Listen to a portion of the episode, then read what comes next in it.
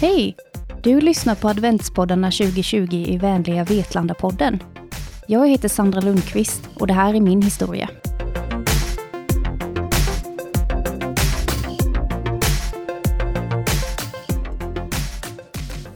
Jag vill inte bli en sån som inte har varit utanför 50-skyltarna. Och jag ska aldrig bli en av dem som flyttar tillbaka. Vetlanda är inte stort nog för mig. Jag vill ju så himla mycket mer. Med vänliga hälsningar Sandra Lundqvist, 16 år. Mitt namn är Sandra. Jag är 31 år gammal och sedan juni i år så bor jag på en gård i utkanten av Vetlanda kommun. Nu ska jag berätta om mitt liv. Hur jag har bytt musiken mot skogen, hur min ofrivilliga inneboende MS ställer till det och hur tusan jag faktiskt kunde hamna på en gård på landsbygden. Vi tar det från början. Jag växte upp på en idyllisk gård vid en sjö utanför Nye med en kärleksfull familj bestående av en driven företagarpappa, en omtänksam bullmamma och en envis frisör lilla syrra. Jag tror inte att man kan ha det bättre som barn än vad jag och min syster hade det. Min uppväxt spenderades i naturen och med en leksaksbössa på axeln följde jag gärna med pappa på rådjurspass. När jag var liten var min favoriträtt dillstuvad potatis med isterband.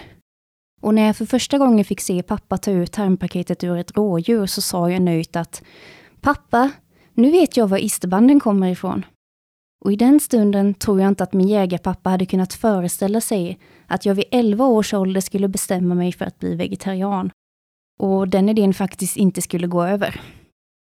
Jag hade turen att få växa upp med hästar, hundar och katter. Och eftersom vi hade en massa djur så kunde inte vi åka på chartersemester som många av mina kompisar gjorde.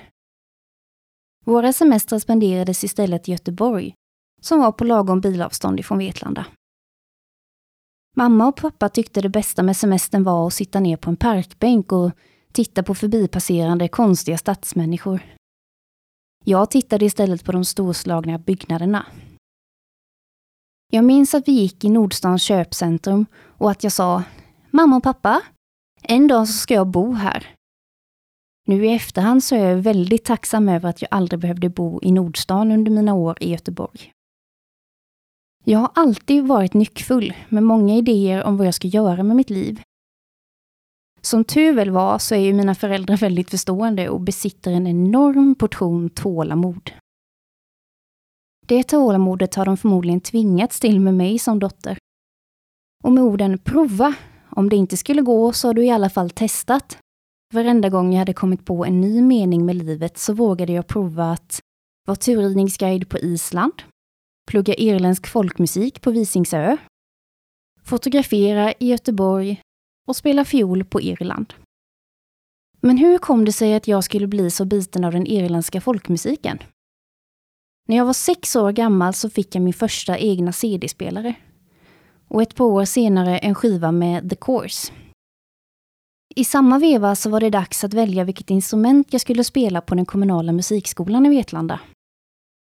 Alla andra tjejer i klassen valde fiol. Men innerst inne så ville jag ju egentligen spela tvärflöjt. Men eh, varför gå mot strömmen? Och det visade sig vara ett ganska bra val det där med fiol. På The Course-skivan fanns det en inspelning som hette Toss the Feathers. Och redan första gången som jag hörde den så bestämde jag mig för att en dag ska jag kunna spela den där på fiol. Min passion för den irländska folkmusiken tog fart på riktigt när jag blev antagen till en kurs på Visingsö folkhögskola. Här var tanken att jag skulle finslipa min teknik innan jag sökte till musiklinjen på Göteborgs musikhögskola. Under ett par månader så levde jag i en musikbubbla tillsammans med andra nördare från resten av landet. Ingenting som hände utanför Visingsö eller egentligen utanför den irländska musikvärlden spelade längre någon roll. I slutet av kursen åkte vi tillsammans till Irland där jag för första gången fick spela på så kallade sessions med några riktiga höjdare inom folkmusikvärlden. En session innebär att ett gäng musiker samlas på en pub, sitter runt ett bord och spelar med varandra istället för att stå på en scen. Med Buzz Aaron tog vi oss från Dublin på skruttiga landsvägar genom gröna landskap omgivna av får och kalkstensmurar till västkustens musikmecka Ennis. och där uppenbarade hon sig, Siobhan Peoples. Siobhan är dotter till fiolguden Tommy Peoples. Efter att ha hört henne spela så var ingenting sig likt igen. Och jag bestämde mig för att det är detta jag ska göra. Jag ska spela fiol på Irland. Jag vågade aldrig ta med mig fiolen till Siobhan Sessions. Men tillsammans med mina klasskompisar så satt vi i bakgrunden och spelade in låtar och gjorde anteckningar om Chivons fiolteknik som vi själva skulle lära oss när vi kom hem. Tyvärr gick resan mot sitt slut och vi behövde åka tillbaka till verkligheten hemma i Sverige. De sista dagarna på resan så kände jag mig faktiskt lite krasslig och när vi kom hem så blev jag ju däckad i den värsta förkylningen som jag någonsin varit med om. Det visade sig sedan vara svininfluensan. Och det var där problemen med min hälsa började. Nåväl, att bo på Irland kostar ju pengar. Och för att ha råd med en ny resa dit så flyttade jag till Göteborg där jag hankade mig fram på frilansfotouppdrag och extraknäck inom vården. Sen åkte jag fram och tillbaka mellan Irland och Göteborg under flera års tid. Vad jag inte visste när jag flyttade till Göteborg var att staden faktiskt är Sveriges irländska folkmusikmetropol. Av en slump hittade jag en Facebook-sida för Timsig, Göteborgs förening för irländsk folkmusik. Där annonserades att de varannan vecka träffades på Hakets pub för öppna irländska musiksessions. Jag gick dit med ett bultande hjärta och skakande ben, med en rädsla för att inte bli accepterad. Timsig välkomnade mig med öppna armar och där fann jag snabbt en andra familj. Till haket var alla välkomna för att spela och lära sig den irländska folkmusiken tillsammans. Precis som de gör där borta på den gröna ön. Jag fick snabbt veta att en exklusiv liten klick av Teamsig träffades för sessions på puben The Dubliner på Järntorget. Men där var det bara inbjudna musiker som tilläts spela. Och då bestämde jag mig. Jag ska ju såklart bli en av dem. Gång på gång gick jag dit och spelade in deras repertoar med min mobiltelefon. Sen gick jag hem och övade tills fingrarna började blöda. Efter ett tag så frågade de där gubbarna på Dublinet till slut varför jag inte hade min fiol med mig. Jag blev inbjuden att sjunga en sång och till slut så var jag faktiskt äntligen inbjuden som fast musiker. Allt hårt slit hade lönat sig. Jag var nu en del av den innersta klicken i Göteborgs irländska värld och livet kändes komplett. Vad jag inte visste då var att jag ett tag senare skulle bli vald till ordförande för Timsig och vara en av dem som startade Glentown Irish Music Festival. Tanken med festivalen var att man inte skulle behöva åka hela vägen till Irland för att få lära sig hur musiken ska spelas. Förutom en konsertkväll så anordnade vi workshops där Artisterna under ett par timmar delade med sig av sina bästa tips och tricks. Vi hade också kurs i irländsk setdance, eftersom musiken från början bildades för att kunna dansa till. Provar man att dansa så förstår man hur viktigt det är med timing och rätt sväng när man själv spelar. Festivalens sessions blev också en knutpunkt för den svenska och nordiska skaran musiker som delade den glödande passionen med den irländska musiken. Ni vet Siobhan Peoples, som jag hörde i Ennis? Hon var festivalens huvudakt vårt första år. Mitt fiolspel började plötsligt gå sämre och jag kände inte längre att jag hade någon kontroll över min högra arm, min viktiga stråkarm. Ibland när jag var ute och gick så tappade jag balansen och trillade. Ibland när jag pratade försvann orden och jag glömde helt bort vad samtalet minuter tidigare hade handlat om. Det var svårare att koncentrera sig och ibland kunde jag inte riktigt känna mina ben. Jag var konstant kissenödig och mitt liv kretsade plötsligt kring vart Göteborgs offentliga toaletter låg. Jag hade sedan den där gången med svininfluensan haft en rad diffusa symptom och vid upprepade tillfällen försökt få hjälp på ett antal olika vårdcentraler. Gång på gång avfärdades min oro över symptomen som jag trodde att jag hade. Och anledningen förmodligen var depression, stress eller psykisk ohälsa. Men jag var ju inte deprimerad. Det jag kände, det var på riktigt. Och det hade påverkat mig så mycket att jag till och med hade lagt planerna på Musikhögskolan på hyllan. En dag när jag var ute så började hela min värld luta åt höger. Jag kunde inte gå rakt och synen blev suddig. Alltså hade jag fått en hjärnblödning nu? Det tog lång tid att ta mig hem från den där promenaden och eftersom jag knappt inte kunde gå så vågade jag inte ens försöka ta mig in på en spårvagn. Ambulansen blev ett faktum. Väl inne på Sahlgrenskas universitetssjukhus blev jag för första gången tagen på allvar. Och i augusti 2016 fick jag diagnosen multipel skleros, MS. Jag visste inte så mycket om sjukdomen mer än att det förmodligen var ganska allvarligt. De personer som jag hade träffat med MS, de satt ju i rullstol eller gick med rullator. Och fast att jag hade arbetat inom vården och hade mött många personer med bakomliggande sjukdomar som levde självständiga liv, så kände jag för en stund att mitt liv faktiskt var över. Tack och lov så kickade min envishet in och än en gång så bestämde jag mig för att våga prova. Jag hittade siffror att en på tusen får MS och intalade mig då att eftersom jag faktiskt är en på tusen så måste det betyda att jag är speciell. Jag är så speciell att den här sjukdomen inte ska få ta över mitt liv och påverka hur jag vill leva. Om jag i framtiden kommer behöva hjälpmedel för att leva mitt liv som jag vill, då ska jag i alla fall inte ge upp. Det där skovet jag fick när jag åkte in med ambulansen hade skadat min hand, men också påverkat min balans och gångförmåga. Den första tiden fick jag hålla i mig för att inte trilla omkull. Men eh, dagen efter jag kom hem från sjukhuset så var jag tillbaka på jobbet igen. Jag tror att det var ett avgörande ögonblick. Idag vet jag att jag har en lindrig variant av MS, vilket jag är oerhört tacksam över. Men trots att den är lindrig så gör den sig ständigt påmind. Att leva med MS är ingen dans på rosor och speciellt inte när en symptom inte syns för andra. Ibland hade det varit skönt att ha en tatuering med MS i pannan. För att ha en sjukdom som inte syns, det är utmanande. Särskilt utmanande är det att bemöta uttalanden som ”Vad duktig du är som gör detta fast du har MS” eller ”Men det syns ju inte att du har MS, du ser helt normal ut” eller ”Just det, du har ju lite MS ibland”. Ja, jag har faktiskt lite MS mest hela tiden. Men det gör inte mig till ett offer. Och det gör inte mig till någon man behöver dalta med. Jag hade förmodligen varit lika duktig på det jag gör, även om jag hade varit fullt frisk. Att ha en dold sjukdom är frustrerande. Särskilt när det kommer till ens sociala liv.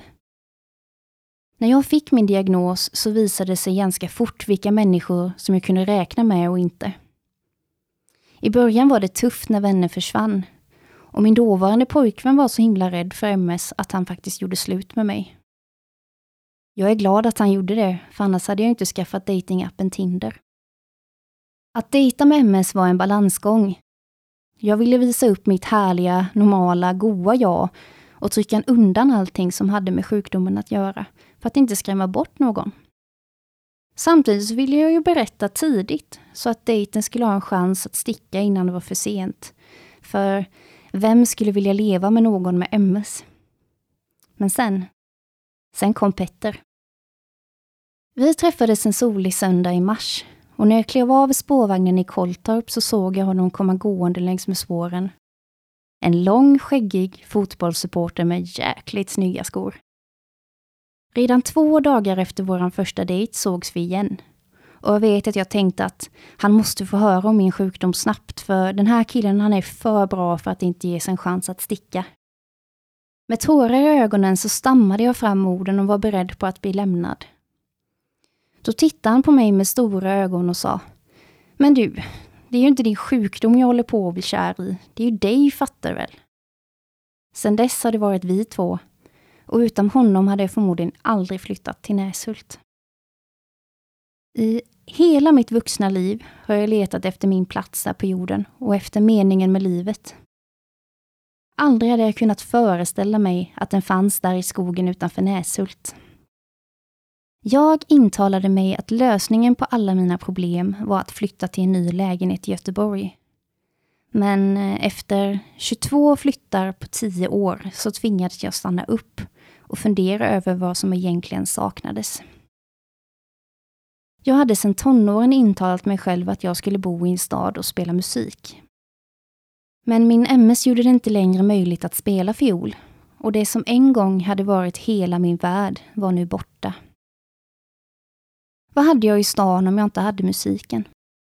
Jag kämpade på med min sjukdom och de enda gångerna som jag faktiskt mådde riktigt bra, det var när jag var ute i naturen.